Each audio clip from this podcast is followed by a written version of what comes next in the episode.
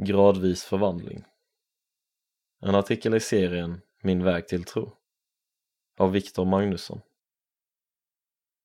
Viktor blev inte kristen över en dag.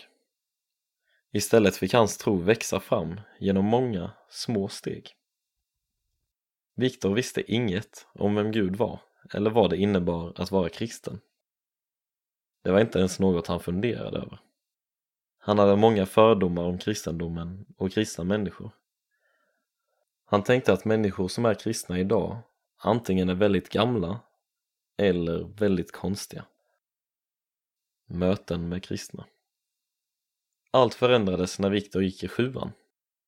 Då fick den nya klasser och han fick två kristna vänner.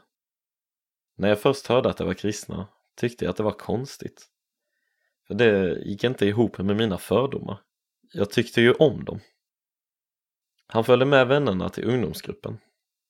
Och eftersom han gillade gemenskapen och tyckte det var kul fortsatte han att gå dit. Men trots att han var där ganska ofta tänkte han inte så mycket på Gud och tron. Likadant var det när han konfirmerades. Det fanns ett intresse och jag var i kristna kretsar men jag tog inga steg i tron eller i min relation till Gud. En ny syn på kristen tro. Till slut bestämde han sig för att åka med sina vänner på ett ELU-läger.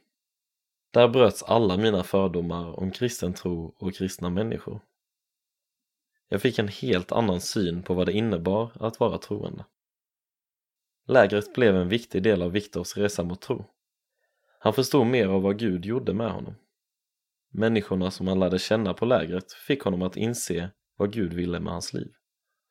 Därefter följde ungefär ett halvår av velande. Det var på påsklägret året därpå som jag på riktigt sa mitt ja till Jesus. En lång väg till tro. Viktors väg till tro gick långsamt. Men till slut kände han att han ville kunna kalla sig kristen överallt. Gud förvandlade inte mitt liv under en kväll utan det var mer som vilken relation som helst som tar tid på sig. När jag blickar tillbaka är det mäktigt att tänka på hur tron har fått växa fram steg för steg.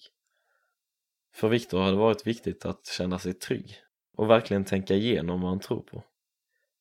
Att låta det ta tid helt enkelt.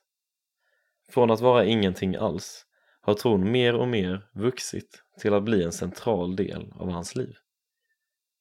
Nu brinner han för att låta sig användas av Gud för att få fler människor att göra sin resa och lära känna Gud. Jag önskar att alla bara skulle fatta grejen. Men samtidigt förstår jag ju de som inte har tagit emot Gud än. Man är skeptisk och det tar tid.